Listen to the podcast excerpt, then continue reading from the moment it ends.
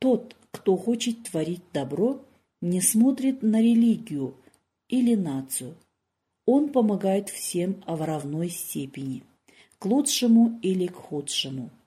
2020 год принес нашему народу дни испытаний. Это время показало, что добрых людей, способных творить добро, очень много. Главный герой нашего аудиоподкаста – один из таких людей – здравствуйте, меня зовут Диакон Дионисий Зорин, я являюсь помощником настоятеля храма, я диакон Русской Православной Церкви. Нет, помимо церкви, также я преподаю в школе, у нас частная школа, я в ней преподаю церковные предметы, такие как закон Божий, православная культура, церковная этика. Я рассказываю детям о истории церкви, о истории святых отцов, как происходила, начиналась церковь, что такое церковь и как нужно относиться к церкви и другим религиям помимо православия. Кому и чем вы смогли помочь во время пандемии? Во время пандемии, когда людям, скажем так, у людей закончились материальные средства, у тех, которые и так перебивались, можно сказать, да, мы помогали не только материально, но и продуктами питания. Мы раздали тонну муки всем нуждающимся, кому нужна была мука, продукты питания, они все приходили к нам. Также мы ходили по домам к старикам, которые не могли выйти и мы помогали им там.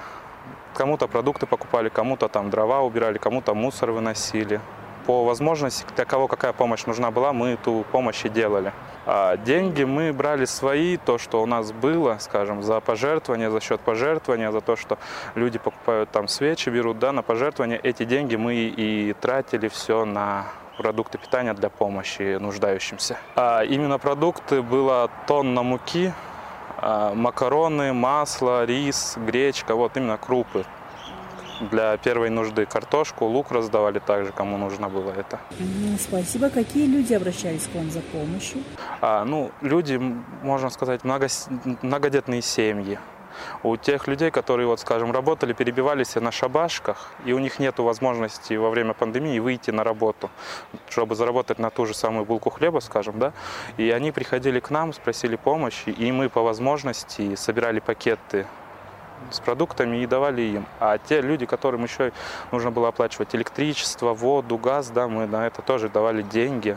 Да, мы еще и материально им помогали, чтобы они не отпустили руки чтобы не пошли воровать там или еще что хуже, да, не случилось. Поэтому мы помогали всем по возможности и не жалеем даже об этом. А люди смотрели все по-разному. Кто-то смотрел, что, скажем, вот мы делаем это для того, чтобы там где-то выхватить нам побольше, да. Некоторые с благодарностью смотрели, некоторые с обидой смотрели, почему вы помогаете им так, а нам не можете помочь. У всех был взгляд разный, и мнение у людей было разное по поводу этого всего происходящего, так скажем. Жителям каких регионов оказали помощь? А именно только по городу Ош мы работали, потому что в других регионах церкви тоже, настоятели также помогали на своих приходах нуждающимся. А мы именно вот по городу Ош помогали. Скажите, пожалуйста, как пандемия повлияла на вас? А, ну, пандемия, она повлияла в первую очередь для соединения, скажем, семьи. Дети, которые не видели своих родителей, которые родители были всегда на работе, они как бы стали ближе друг к другу, и семьи, они как бы соединились, как положено. Родители были рядом с детьми, дети рядом с родителями.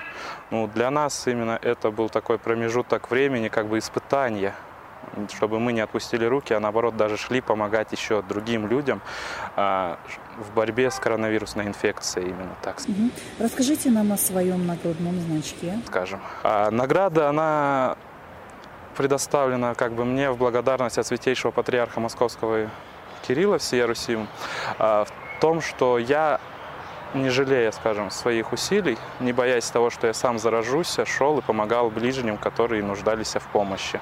И за это нам святейший патриарх Московский и всей Руси дал такие награды. Всего семь человек по Киргизии удостоились данной награды. Именно в городе Ош и по, юж... по Ошскому благочинию я единственный, кто удостоился такой награды. Что бы вы сказали нашим горожанам?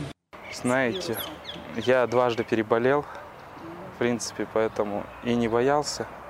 Ведь как говорится, если ты это делаешь от чистого сердца и не боишься и не думаешь об этом, то ты не заразишься. Господь тебя защитит от болезни. Главное не бояться, что мы заразимся, и не нужно этого бояться как бы как одной целой болезни. Нужно бороться с ней. Это такая же болезнь. Каждый, может быть, в какой-то форме переболел. И те люди, которые переболели этой болезнью, не нужно молчать, что именно, как они вылечились, а именно нужно идти и помогать своим ближним, знакомым, подсказывать, что нужно делать для этого, чтобы остаться здоровым и лечиться а не как у нас тенденции принято, да, скажем, в современном веке. Я вылечился, все, я буду молчать, никому не буду ничего говорить, пускай они болеют и пусть болеют. Если есть возможность помочь, надо помогать. И не бояться того, что вдруг ты опять заболеешь. Если Богу угодно, ты, не выходя с дома, можешь заболеть той же самой инфекцией коронавируса, да, и будешь болеть еще в худшей форме, нежели чем когда-то другие люди болели. Поэтому призываем всех молиться Богу и всегда быть с Богом. И только так мы можем все перетерпеть. С нами был диакон Дионисий Азукан. Это наши кыргызстанцы.